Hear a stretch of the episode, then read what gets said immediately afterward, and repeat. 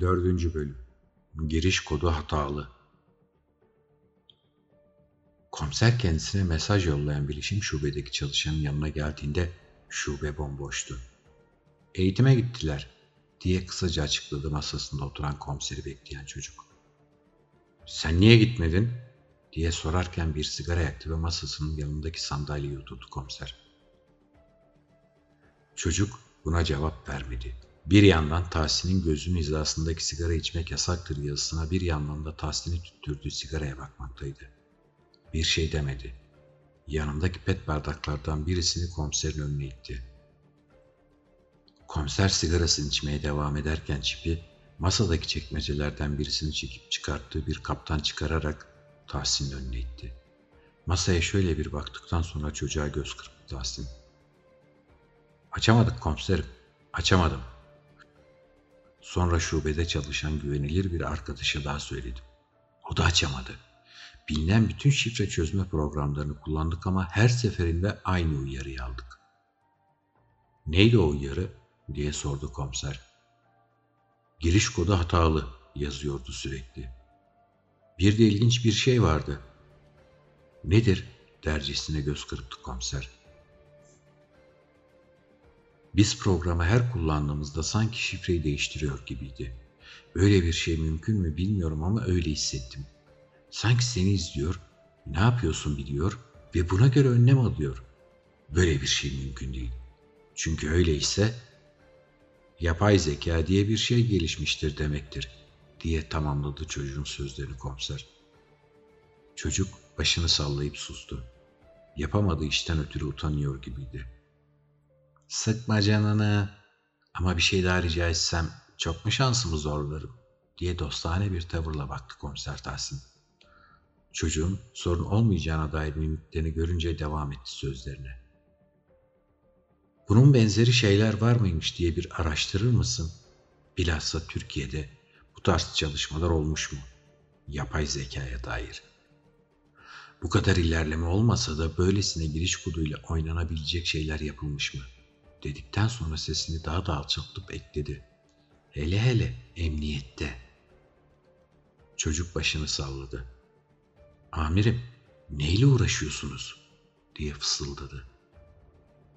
Sesi bir sorudan ziyade tehlikeyi sezmiş bir insanın dostane yaklaşımını içeriyordu.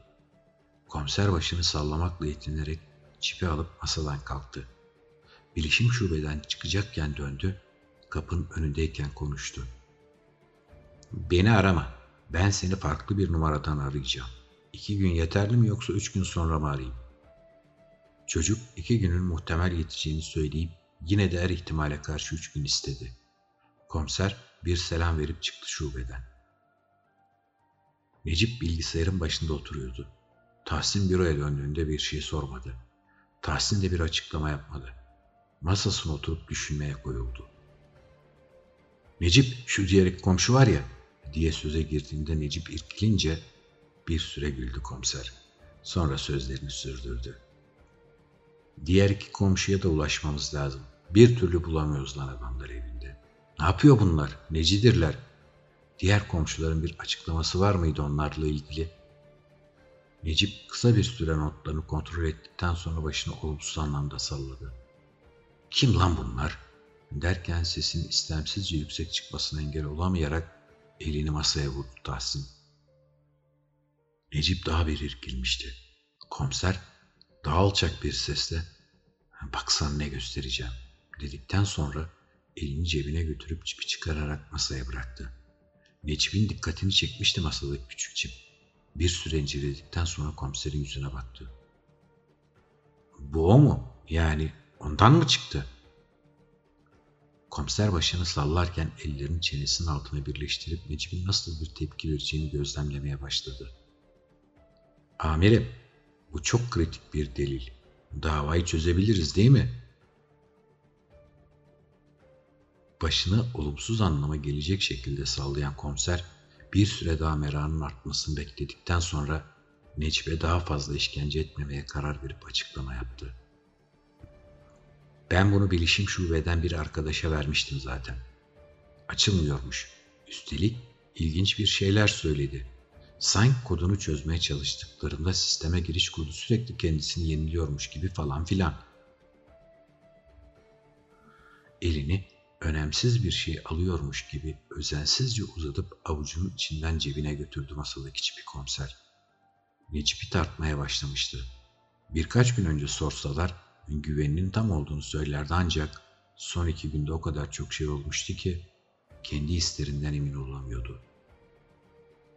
Necip bir şeyler söylemedi. Düşüncelere dalmış gibi görünüyordu. Komiser bir yandan çekmecelerini açıp kapatıyor, kendi tuttuğu notları arıyordu. Bulamayınca dava boyunca not alamadığını hatırlayıp hayıflandı. Necip'ten notlarını istedi.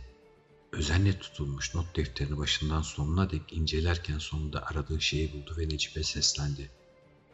Neco, bu Asuman'ı araştırdın mı? Bir şeyler çıktı mı? Necip bir süre Asuman'ın kim olduğunu anımsayamayınca komiser dayanamayarak biraz çıkıştı.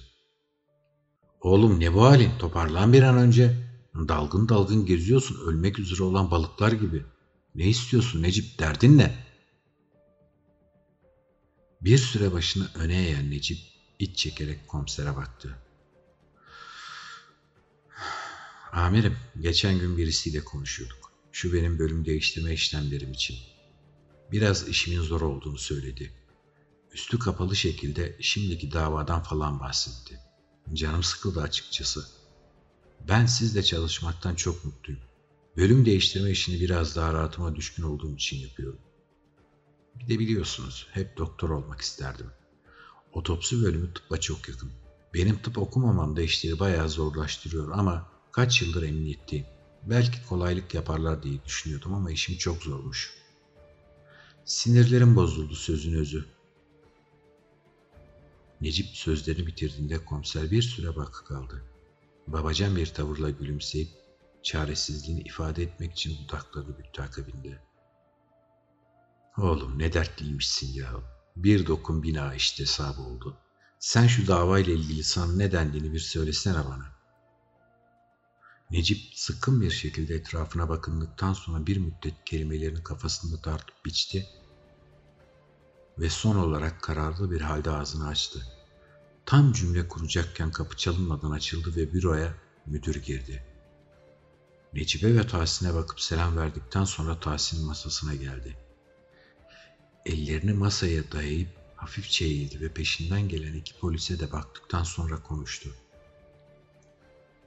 Tahsin, seni görevden alıyorum. Süresiz izin veriyorum.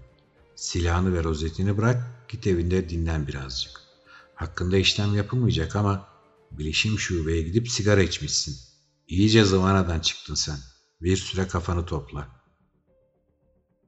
Komiser bir müdüre bir de Necip'e baktıktan sonra bir şey demeden geri yaslanır.